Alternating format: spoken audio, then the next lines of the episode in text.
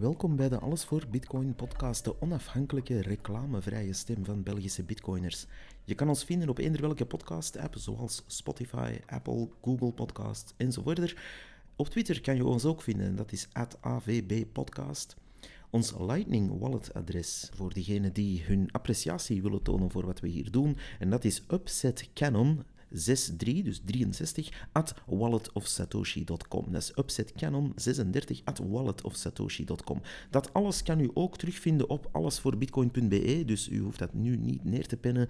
Uh, dat is daar mooi terug te vinden, samen met een uh, hoop andere zaken, zoals onze RSS-feeds, voor wie dat uh, ook weer nodig heeft. We zitten op aflevering 56. Het is vandaag 11 januari 14 anno Satoshi, oftewel 2023. De blokhoogte op de Bitcoin blockchain is 771.606.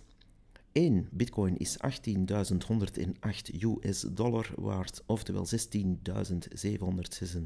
euro. En dat is op zich dan weer goed voor 3.644 Big Macs. Dit is een eh, vierde interview, of hetgeen dat nu gaat volgen toch, is een vierde interview met een bitcoiner. Uh, een uh, interview dat ik kort geleden afnam. En het laatste dateerde al van enige tijd geleden, van aflevering 34. En het was dus hoog tijd om nog eens een echte bitcoiner aan het woord te laten. Hoewel, daar kan je wat kanttekeningen bij plaatsen, want u zal zelf horen wat deze persoon zoal deed naast minen. Een kleine errata-nota vooraf al. Wanneer deze persoon in kwestie over uh, 2019 iets zegt, dan gaat het eigenlijk over 2017, omdat hij zich heeft versproken. Er zijn ook wat achtergrondgeluiden, maar hey, dat is nu eenmaal real life voor heel veel mensen. En ja, wij zitten niet in een uh, perfecte studio waar iedereen uren tijd heeft om uh, naartoe te rijden en heel lang te babbelen om dan een paar one-liners te verkopen. Dus uh, dit is real life. En met alle respect ook naar iedereen die hier zijn tijd voor wil vrijmaken om daadwerkelijk hun verhaal te doen. Ja, we zijn hier met een, uh, een zekere Tim. En uh, Tim is een, mijn gast voor vandaag op deze podcast. En we gaan het vandaag uiteraard hebben in de eerste plaats over Bitcoin. Um, maar zoals gewoonlijk, mijn eerste vraag is altijd aan mijn gast. Uh, Tim, hoe ben jij een bitcoiner geworden? Wel, het is uh, een van mijn vrienden zat er heel diep in. En dat is ook een collega. Uh, met andere woorden, ik werd elke dag ondergedompeld in een bad van uh, ja, crypto-terminologie, ja. nieuwe lingo en alles erop en eraan. Uh -huh. En dat viel tezamen met de stijgende koers van Bitcoin zelf. Oké, okay, en rond wat jaar was dat, even om te situeren? Is dat dus heel 19. Mm -hmm. En ja, iemand uh, uit mijn vriendenkring stuurde elke keer dat Bitcoin uh, 1000 dollar meer waard was, met een uh, bericht. -huh. En dan ben ik op die collega ingegaan van oké, okay, wat kunnen we hier rond doen? Gaan we een kleine investering doen? En hij stelde mij gelijk voor van ja, laten we een kleine mining rig uh, bouwen. We hebben daar even kostenbaten op papier gezet. Mm -hmm. Toen, ging het, toen stond bitcoin ondertussen al, ik denk, 15k.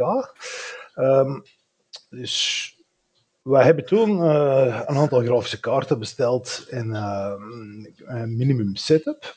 Mm -hmm. Cool. Net voor het aandonderende nieuws van de hardware schaarste, net door iedereen de grafische kaarten begon te bestellen. U bent dus een van die mensen die ervoor heeft gezorgd dat onze ja. gaming devices ja. zo duur werden. Ah, ja, klopt, klopt, die bitcoiners toch, hè? Die maar, bitcoiners toch. We hebben zelf als gevolg daarvan ongeveer 7, 8 maanden moeten wachten op onze hardware. Mm -hmm. Tegen als dat ik, uh, hardware... wacht, als ik mag vragen, dus die hardware dat bestond integraal uit uh, grafische kaarten en welke devices nog? Even uh, een, een, een, een, mining motherboard, maar de, dat is eigenlijk de kost niet, de, en, en, een minimale CPU. En daar, daar kon je 12 grafische kaarten aanhangen. Dat is het enige wat ik nog heb. Want ja, dat is achteraf gezien uh, voor niks anders te gebruiken. Die grafische kaarten, dat waren AMD Vega 64, uh, duur greef toen. um, en, maar tegen dat onze hardware setup in orde was, was uh, Bitcoin al terug in een diep. En we zijn, we zijn toen onmiddellijk Monero beginnen minen. Oei, oei, oei, oei, oei. Ja, ja, ja, ja, ja, ja. En dus XMR. Ja, zo gaat het, even, even ook om te duiden voor de mensen uh, die dat uh, systeem niet kennen. Wanneer je dus begint te minen, ga je uh, eigenlijk ergens moeten kiezen van ben ik gewoon ja, puur voor bitcoin aan het gaan of ben ik ook ja, gewoon wil ik winst maken in het algemeen en ga ik eender wat minen dat op dat moment most profitable is. En dat is een keuze die elke miner moet maken. Met alle respect trouwens dat u dat deed. Ja, Klopt, eh, de, de keuze was enerzijds gebaseerd uiteraard op de, de profit en de margin van die specifieke coin. Monero was toen al ook een van de grotere uh, coins. En anderzijds van de beschikbare mining software. Mm Want ja, die is natuurlijk ook vrij belangrijk. In dat kader dat je er... Ja, een Linux setup, een Windows setup. We hebben verschillende um, setups daarop losgelaten om te zien waar halen we nog net iets meer performance uit. En dat is dagen tunen en tweaken. Mm Het is vooral ook, uh, ook even een, een, vraag die ik wil stellen. Het, het technische aspect, uh, wanneer je dat eigenlijk moet inschatten. Eh, om te minen uh, zelf thuis, uh, ja, wat voor technische skills heb je eigenlijk nodig? Want sommige mensen denken, ah, ik druk hier op een programmaatje en het komt vanzelf binnen, maar dat is absoluut niet het geval. Hè? Dat was toen niet echt het geval, maar ondertussen is het vrij versimpeld. Mhm. Is het met één setup package en een executable perfect te runnen. Eigenlijk op, eender, op eender welke PC. Uh, maar ondertussen de software vrij eenvoudig te installeren is. Uh, wij, de, wij, hebben dat met twee gebouwd, heel die rig en die setup. Um, en wij hebben natuurlijk een IT-background, uh, duizend en PC zelf, zelf gebouwd. Dus dat soort hardware skills komen wel van pas. Mm -hmm. Ja. Um, ja, dat soort skills, om, om terug even op de rails te zetten, um, de, dat soort skills, het is niet iedereen gegeven wanneer je bijvoorbeeld zelf echt niks kent van uh, computers bouwen of uh, hoe, hoe je dingen gaat poweren, hoe je dingen gaat onderhouden, is het iets moeilijker. Natuurlijk, er zijn wel uh, softwarepakketten die daar ja, kant en klaar zijn, maar ook daar, ja, het onderhoud vooral, af en toe moeten er wel eens dingen worden, worden geupgrade eigenlijk. Als ik dat goed begrijp. Klopt, zeker en vast. En je kan ook kant-en-klare hardware rigs specifiek voor te minen gaan kopen, maar die ga je niet binnen afzienbare tijd terugverdienen. En ben je dan nog teruggekeerd, hè, gezien de prijsactie, hè, daar zijn wel wat schommelingen geweest, ben je dan nog teruggekeerd naar puur bitcoin mining? Of uh, hoe is dat precies gelopen? Um, we hebben op een gegeven punt, uh, ik denk dat we ongeveer een jaar gemined hebben. We hebben voornamelijk Monero gemined. Uh, en dat, dat waren de laatste elf maanden van die twaalf, zal, ik, zal ik schatten. Dus we zijn eigenlijk heel de tijd op dezelfde coin gebleven. Ook omdat hij up en running was. En uh, na dat jaar hebben we ja, beslist van oké, okay, het kost gewoon te veel elektriciteit voor hetgeen wat de munten nog waard zijn. We hebben toen alles getransferd naar bitcoin mhm. en heel ons idee geparkeerd. Oké, ja, begrijpelijk. Um, nog een zes maanden later uh, is bitcoin gigantisch teruggestegen.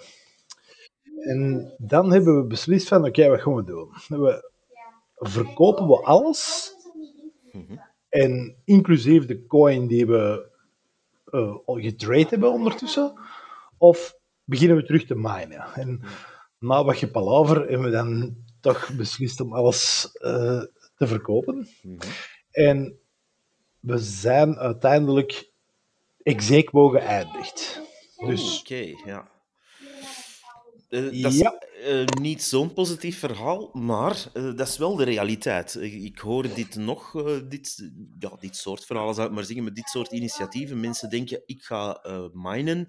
Um, in, in, in Bitcoin begint dat meestal. Dan gaat men moeten switchen om allerlei redenen.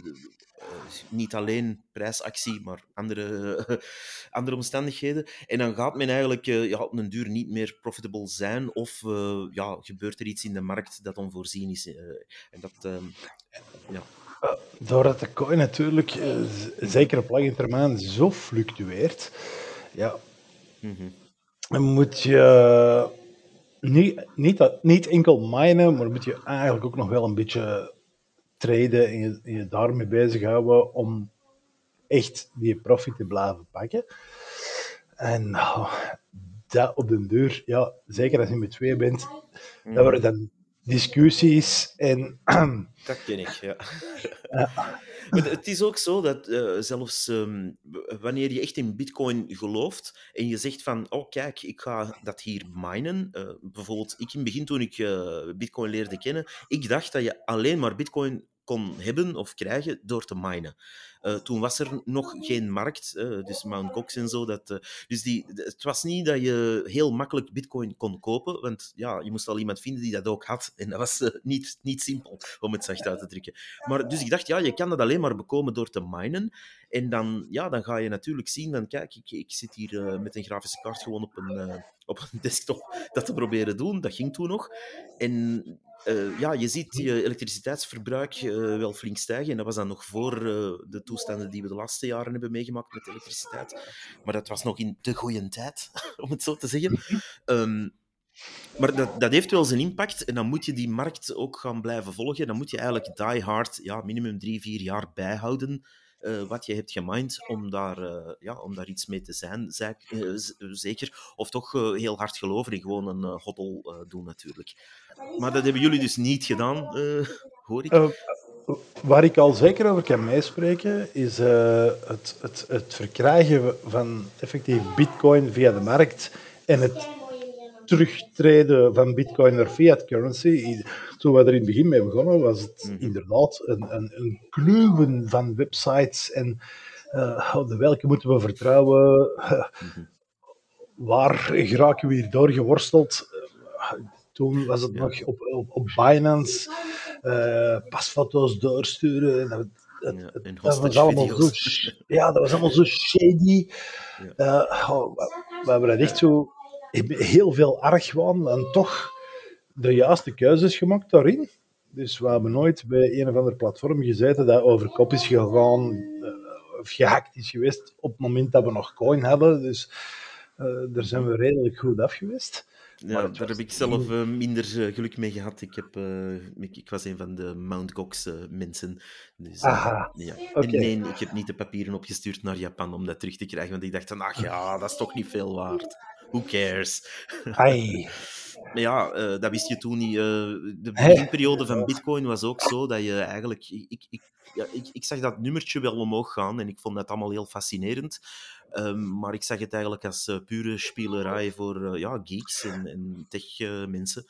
Um, maar het is pas na 2014 dat ik doorhad van oké, dit heeft ook echt waarde, dit overleeft alles, dit kan uh, rond problemen routeren. En dit, uh, ja, dit is ook een entity aan het worden. De wallets toen, daar, willen we het, daar moeten we het misschien ook heel even over hebben. Uh, mensen zijn nu gewoon dat ze een HD-wallet hebben en dat je elke keer als je een transactie doet een, uh, andere, uh, bitcoin, een ander bitcoin-adres kan gebruiken, dat het allemaal heel makkelijk is met 12 of 24 woorden. Toen was dat niet, hè, denk ik. Dat was een andere koek. Ja, dat was nog via tekstfiles. En één keer ergens iets verkeerd getypt of, of een file kwijt met, met, met een wachtwoordversleutelingsnummer in en je was alles kwijt. Dus ja, die transactie is... In het begin was dat echt eigenlijk een vlucht. Eh, daarmee dat ik ook helemaal in het begin daar weinig in geloofde. Omdat als, als je mensen hebt die eigenlijk dag in dag uit met IT en tech bezig zijn, ook als hobby, En die slagen er toen, hè, zeg ik, al niet in om bijvoorbeeld een wallet.dat-file uh, te gaan bewaren of terug te openen na een jaar, dan denk ik van ja, Jan met de pet gaat hier nooit iets uh, van snappen. Laat staan dat hij er ooit mee gaan betalen bij de slager of de bakker. En dat, uh, we zijn ondertussen wel wat jaartjes verder en de, de technologie heeft niet stilgestaan, dus daar zijn we in verbeterd. Maar toen was het eigenlijk de hel en ja, dat, dat had zo zijn gevolgen. Maar wij geloofden al van begin wel in het concept, in het versleutelingsmechanisme, in het decentraal zijn. Uh, ja, dus uh, de, de Paul de Grauwens die x aantal jaar geleden zeiden van binnen tien jaar is dat verdwenen, eigenlijk de, ja. de tulpencrisis, dat, dat, dat, daar waren we wel van het begin van overtuigd van nee, dit is net iets meer. Dit overstijgt wel net mm -hmm. uh, de bubbels die volledig fictief zijn. Hier zit wel degelijk technologie in. Dat, dat, dat is ook een geloof dat gezien de tijd ook altijd steviger wordt. In die zin, um, het, het, is niets dat zomaar overwaait, omdat je ziet wat dat allemaal heeft overleefd. Ook die beginperiode waar het technisch allemaal heel moeilijk was. Dus de mensen, en daar wil ik toch even heel duidelijk zeggen tegen de luisteraars, de mensen die rond 2010 zeker, 2011, ook 2012 uh, echt met Bitcoin bezig waren en daar um, in zijn blijven geloven, die hebben wel wat doorstaan hoor. Die, die, die, hebben, uh, die hebben wel wat uh, beginperikelen meegemaakt en, en, dingen die in hun kinderschoenen stonden. Dat is niet om, ja, om licht over te gaan eigenlijk. Dat, ehm, ik wil daar ook even op toespitsen, want eh, mensen die eh, een beetje uit een technische richting komen, zien dat ook die verbanden met, ik zeg maar iets, een, eh, een Pirate Bay of Napster destijds of wat dan ook. Dus die, het, het, het, het robuuste van bepaalde technologie om iets te gaan bypassen, dat, dat, dat herkenden we wel in Bitcoin natuurlijk, dat peer-to-peer. -peer. Ja, en natuurlijk, je, vernoemt er een paar. Um duistere kantjes van het internet. Mm -hmm. En die zagen natuurlijk ook in uh, het concept Bitcoin een manier om uh, anoniem betaald te worden. Dus ja, dat zal altijd een deel zijn, zolang het niet regulated is, van de grote cryptomunten. Dus ja. Ja, ja, klopt. De, bij uitbreiding de grote cryptomunten. uh, maar het, het um, ja, die regularisatie, dat is een heel dubbel iets natuurlijk. Aan de ene kant zijn bitcoiners daar uh, tegen, om de, ja, de vanzelfsprekende redenen. Um, maar aan de andere kant uh, helpt dat ons ook weer meer legitimiteit te krijgen bij het brede publiek. Dus dat is iets heel dubbel. Ik ben daar zelf eigenlijk niet uit. Ben ik daar nu voor of tegen, of een beetje voor, een beetje tegen? Dat, dat wijst zichzelf uit. De wereld draait door. En wat er gebeurt, gebeurt er. Uh, ja, en gaat men het kapot reguleren, ja, dan probeert men dat maar. Maar dat heeft dan weer andere gevolgen voor diegenen die dat proberen. dus die sluit me daar voor een stuk bij aan. Want de, de vragen over ja, hoe taxeer je dit? En laat je dat volledig aan de vrije markt over, eh, zonder boundaries, ja, dat lijkt toch ook wel ergens niet te kloppen. Maar hoe dat dit dan juist concreet moet aangepakt worden, dat, blijft een discussiepunt. Dat is een, een heel mooi discussiepunt, vind ik ook, omdat dat uh, gaat over iets heel fundamenteels. Namelijk, je doet proof of work. En als je mindt voor Bitcoin, is dat wel heel letterlijk te nemen. Uh, mm-hmm. Je bent ja, je proof of work aan het afleveren. Um, en ja, vermits dat wij tegen middelmen zijn, ik hoop toch dat je me daarin bijtreedt. Mm-hmm. Uh, middelmen hoeven niet als het niet nodig is, vind ik ja, dan, ja, je kan elkaar betalen in bitcoin. Je kan proof of work afleveren zonder dat daar een middelman zit mee op te ja, capteren of mee van te profiteren, zonder echt iets bij te brengen aan het systeem.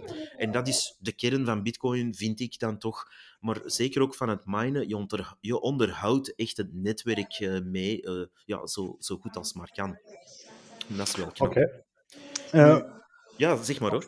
Ja, ondertussen... Um in verband met mining, uh, ja, zeker qua energy cost, uh, kan de kleine miner nog maar amper op tegen de grote farms. Mm -hmm. Op plaatsen waar energie veel goedkoper is natuurlijk. Dus ah, voor een stuk uh, de, de, dat thuis minen is geslonken tot een paar professionals die er nog wel steeds into zijn. Ja, of echt die-hard believers. Hè. Ik kan me voorstellen, uh, als je thuis toch iets draait, je hebt een mini mining rig draaien, en je, draaien, en je gaat uh, hetgeen dat je toch nog binnenkrijgt via eventueel een mining pool, um, ook even uitleggen voor de mensen die daar niet in thuis zijn. Dus je, kan, je hoeft niet zelf een mega uh, corporation te zijn om Bitcoin te kunnen minen. Als je een kleine uh, of relatief kleine mining-installatie hebt, kan je je aansluiten bij een pool. En een pool is eigenlijk heel veel mensen die samen gaan hun, uh, ja, hun hashpower gaan samenleggen. En dan krijg je daar natuurlijk proportioneel een deeltje van de opbrengst, als er al opbrengst is, uiteraard. Klopt, dat was dat was het stuk van uh, de setup die van het begin af aan uh, makkelijk was. Mm -hmm. Dus die mensen die zich organiseerden tot pools om samen te minen, de, dat was geen huzarenstuk. Nee, dat was gewoon een slushpool was... of zoiets en dan een poortnummer. Ja, en dan was je er. Ja.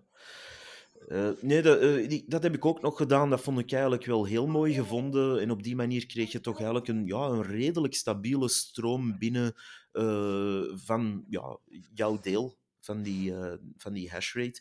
Maar mensen die dat nu willen doen, denk ik eerder, als je, als je dat echt als individu wilt gaan doen, zeker hier in België, lijkt me dat ja, nu niet gekke werk, maar dan moet je wel een diehard believer zijn om dat erin te steken, die moeite, dat onderhoud, elektriciteitskosten uiteraard, om dan natuurlijk de coins ook bij te houden. Want ja, je gaat 10 tegen 1 wel verlies draaien als je het echt op het moment zelf gaat uitrekenen.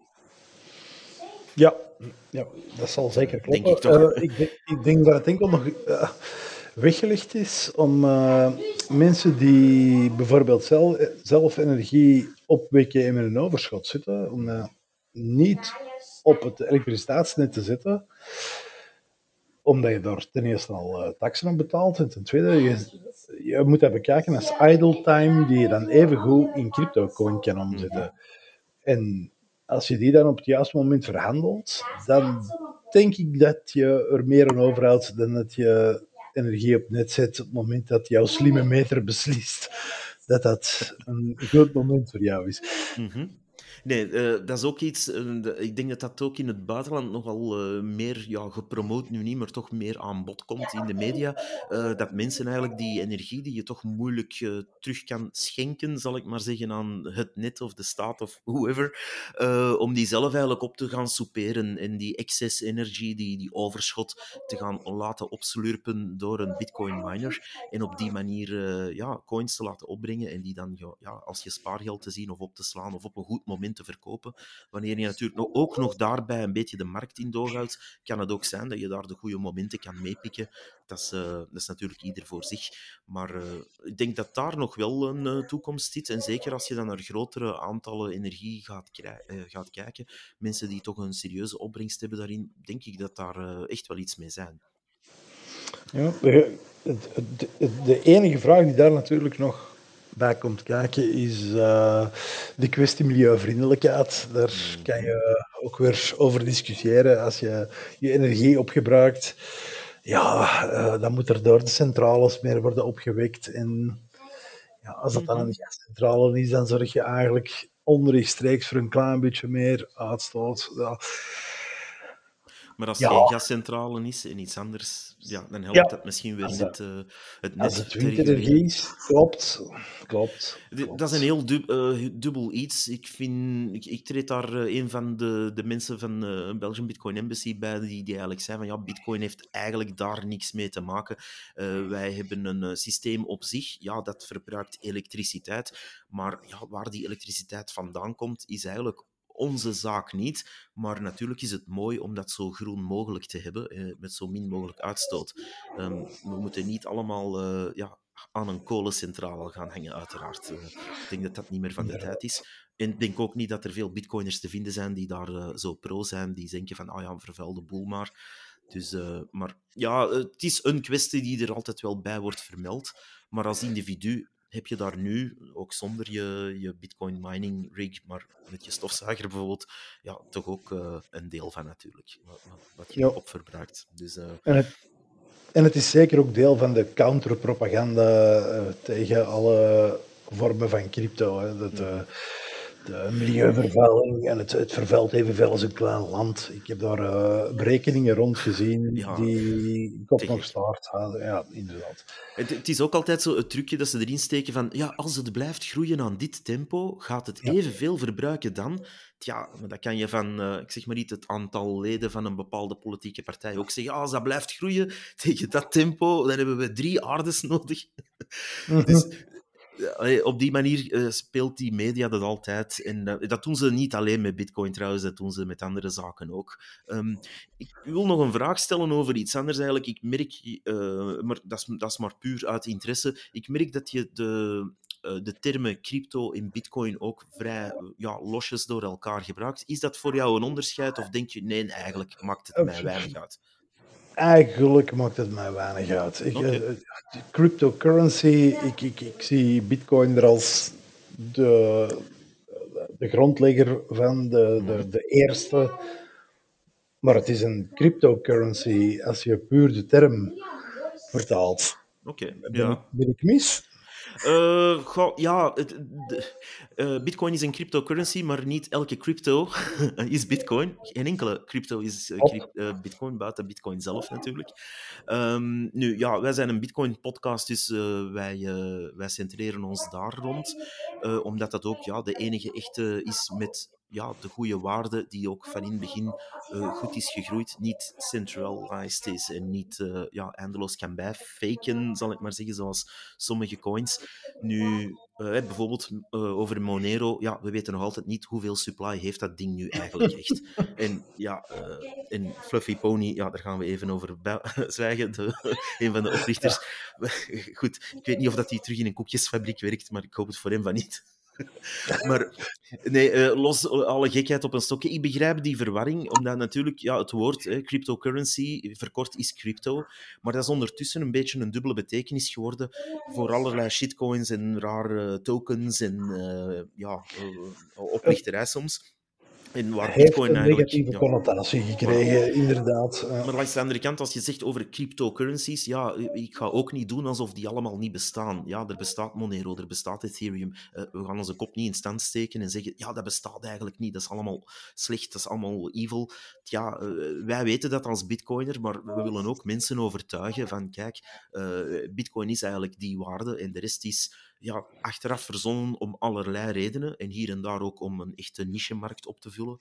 Um, maar ja, de real deal qua waarde, qua uh, echte monetary value, zal ik maar zeggen, als echte waarde, is uh, enkel en alleen bitcoin met genoeg liquiditeit en zo verder. Maar ik, zeg het, ik ben daar ook geen diehard in, in die zin dat ik dat niet wil vermelden. Um, het is nu eenmaal een realiteit, zoals je hier zelf zegt. Je bent een real-life voorbeeld.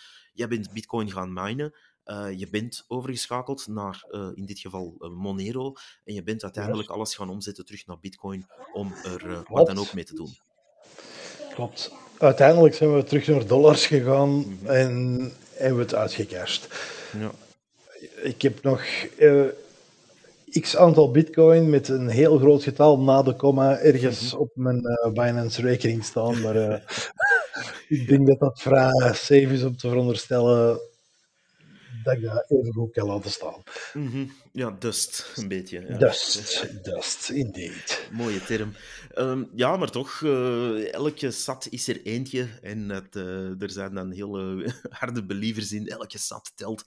Uh, ik, ik geloof er wel in dat we op de goede weg zijn om om Bitcoin meer mainstream te maken, meer mainstream te krijgen. Ook omdat er noodzaak aan is. Nog één vraag die ik eigenlijk wil stellen. Uh, voor jou persoonlijk, uh, wat is voor jou de toekomst van uh, Bitcoin? ik zie het wel als een, ehm, als een valide betaalmiddel opduiken via de bankkaart en, en of, een, of een unieke kaart. Ik weet hoe dat juist in zijn werk zal gaan. Er zijn al voorbeelden in Europa te vinden. Mm -hmm. maar ik zie dat wel uitgerold worden. nu dat er ook en ook met. Lightning uh, bijvoorbeeld? Ah, ik, ik, moet toegeven dat ik daar echt niet in thuis ben. Okay, ja. Oké. Dus, er zijn inderdaad wel evoluties die je toelaten, bijvoorbeeld om, ja, ik zeg maar niet, een microbetaling uh, te gaan doen. Of als je ergens, uh, ik zeg maar iets, in een uh, café wil betalen met Lightning, dan kan je eigenlijk ja, zo goed als instant, ik denk dat het 1 of 2 milliseconden duurt, um, een betaling meteen uitvoeren op het Lightning-netwerk, die tweede laag boven Bitcoin. Um, en daar zie ik toch wel een doorbraak in om ja, toch, toch iets meer tractie te krijgen. Um, ja. Oké. Maar verder, uh, de, de toekomst van Bitcoin uh, voor jou, uh, kan je daar nog iets over aanvullen of heb je daar nog bedenkingen Ik ben er zeker nog niet volledig uit. Ik, mm -hmm. ik, ik volg het nog van ver. behalve mijn grafische kaart, dan staat mijn rig nog volledig opgesteld. Dus ik hoef er maar een paar in te pluggen en ik ben terug vertrokken. De software staat nog geïnstalleerd op de disk, dus ik kan onmiddellijk verder. Nice. Ja, dus ja, moest het, moment, uh, ja, moest het uh, moment komen dat België een uh, fusiereactor plaatst en iedereen free energy geeft, dan ik denk niet dat wij daar een voorloper in gaan zijn, maar zwart het. Frankrijk eventueel, ja. Ja, in Frankrijk misschien. Dan kan je je mining rig daar al zeker ten gelde laten maken en beginnen minen. Um, ik, vond het, uh, ik vind het heel, heel tof dat je voor de micro wou komen, want het is uh, niet altijd zo gemakkelijk om bitcoiners uh, voor de micro te krijgen om hun verhaal te laten doen. En dat is wel wat we hier in deze podcast wel proberen te, ja, te volbrengen, eigenlijk de stem van bitcoiners te laten horen. Ook al is het soms niet altijd een 100% positief verhaal, in de zin van, uh, ja, ik had liever ook gehoord dat jij uh, nog altijd ging minen en uh, met 20 Lamborghinis kon rondrijden, maar goed, het is je gegund. ja, positief verhaal, of negatief verhaal. Nee, ik vind het uiteindelijk het feit dat we al onze hardware eruit hebben. Dat is op zich en, knap, ja ja, dus, Exequo draaien in dit experimenteel verhaal was voor ons al goed, omdat alle timings een beetje slecht zaten. We hebben op de verkeerde moment besteld, op de verkeerde moment gestart. Ja, op de, en dan op de verkeerde moment pas kunnen beginnen starten met minen. En uiteindelijk zitten wij Exequo. Nee, ik, ik, dat is nog knap, ja. Ik het positief. Okay, allee, ik ook. Ik bedoel maar, het, uh, eender welk verhaal vind ik de moeite om te vertellen, zodat mensen een, een duidelijk beeld krijgen van hey, hoe zit die markt in elkaar en ja, wie zijn de mensen achter ja, dat idee Bitcoin. Want dat zijn wel real-life mensen. En dat is iets uh, wat mij soms stoort in de media. We worden allemaal een beetje afgeschilderd, we worden allemaal op één hoop gegooid. Hè. We zijn allemaal maar crypto boys en girls. En die zijn uh, ja, allemaal maar met loesje dingen bezig. En, en, maar er komt nooit eens iets uit van, kijk, eh, wie zijn die mensen nu echt? Uh, en, en wat doen die nu echt? En, en wat zijn die hun meningen? En dat wil ik vooral laten horen. En dat is heel waardevol, vind ik. Dus uh, bedankt daarvoor in ieder geval. Ja, Had jij nog iets te zeggen of te pluggen of mede te delen aan de mensen of aan de luisteraars over Bitcoin of over uh, eender wat eigenlijk? In verband met Bitcoin, ja, voorlopig moet ik nog uh, mijn dayjob blijven doen, maar uh, zeker niet afhaken, zou ik zeggen. volhouden. Okay. Ik uh, zie de toekomst positief voor Bitcoin. Super. Dank u, team, voor deze getuigenis. en ehm, we gaan. In... We gaan zeker nog eens een, een babbeltje doen daarover met het nodige bier erbij. En dan kunnen we daar nog verder over bomen. Uh, alle succes in ieder geval met je dayjob, maar ook met uh, minen en met hollen en met alles wat je nog wil doen. Bedankt. Dankjewel. Goeiedag. Zo, dit was eigenlijk het gesprek uh, dat ik had met Tim. Uh, iemand die dus een eigen mining setup heeft uh, gemaakt samen met een vriend en daar even over vertelde. Nu, dit soort zaken wil ik even kaderen ook, namelijk het, uh, het, het, zijn echte mensen allemaal. Dus mensen die zeggen, ah, al die bitcoiners, die, uh, die, dat, dat zijn allemaal criminelen. Of dat zijn allemaal mensen die uh, in Noord-Korea zitten, of wat dan ook. Um, dus de fabeltjes die we allemaal horen over bitcoin, ja, er zijn hier echte mensen. En die zijn ook echt met bitcoin bezig of bezig geweest. En ik wil die stemmen laten horen, omdat dat in onze media totaal niet aan bod komt. En niet iedereen is een YouTube- of TikTok-ster. Niet iedereen wil zich in de kijker lopen op eender welke pensenkermis, bij wijze van spreken, of eender welk televisieprogramma. Maar er zijn ook mensen die gewoon echt met Bitcoin bezig zijn en daar ja, het nodige werk hebben verricht. Proof of work eigenlijk. En zelf dingen hebben gebouwd, zelf dingen in elkaar steken, zelf moeite doen, uh, zonder daar ja, zich eindeloos uh, met hun ego in de kijker te willen lopen. En dat, uh, dat is een van de dingen die ik toch echt wel wil laten horen. En daarom laat ik soms hele gewone mensen die gewoon thuis zitten met hun kinderen en gewoon een uh, dagjob doen, ook eens aan het woord, die ook ja, wel met bitcoin bezig zijn en ook echt geloven in bitcoin. En die daarom ja, ook een onderneming hebben gedaan, iets hebben ondernomen, uh, het zij in mining, het zij met andere zaken. En dat is toch wel heel belangrijk om eens even uh, bij stil te staan. Namelijk, de Bitcoin community is niet alleen heel divers, maar bestaat meestal uit mensen die wel degelijk dingen doen en uh, een bepaalde visie hebben. En dat uh, wilde ik hier toch even uh, laten horen en kaderen. Nogmaals, dank aan Tim om dit verhaal te sharen. volgende keer gaan we weer iets helemaal anders doen in de podcast. Jullie kunnen ons vinden op AVB Podcast op Twitter. Ons Wallet of Satoshi of Lightning adres is eigenlijk upsetcanon63 at walletofsatoshi.com. En dat is zo rechtstreeks als dat maar zijn kan. Dus daar zitten geen rare eh, bedrijven meer tussen die hun links kunnen laten breken en dat soort zaken. Reacties zijn ook welkom. Dat is reactie@allesvoorbitcoin.be. Dat is e-mail. Ik check die niet elk uur. Dus uh, als u een paar dagen op een antwoord moet wachten, uh, moet wachten, ja, dan is dat ook zo. In ieder geval, dit was hem voor vandaag. Ik hoop dat het een leuke aflevering was en dat het ook een beetje leerzaam was voor bepaalde mensen. En tot de volgende keer. Bye bye.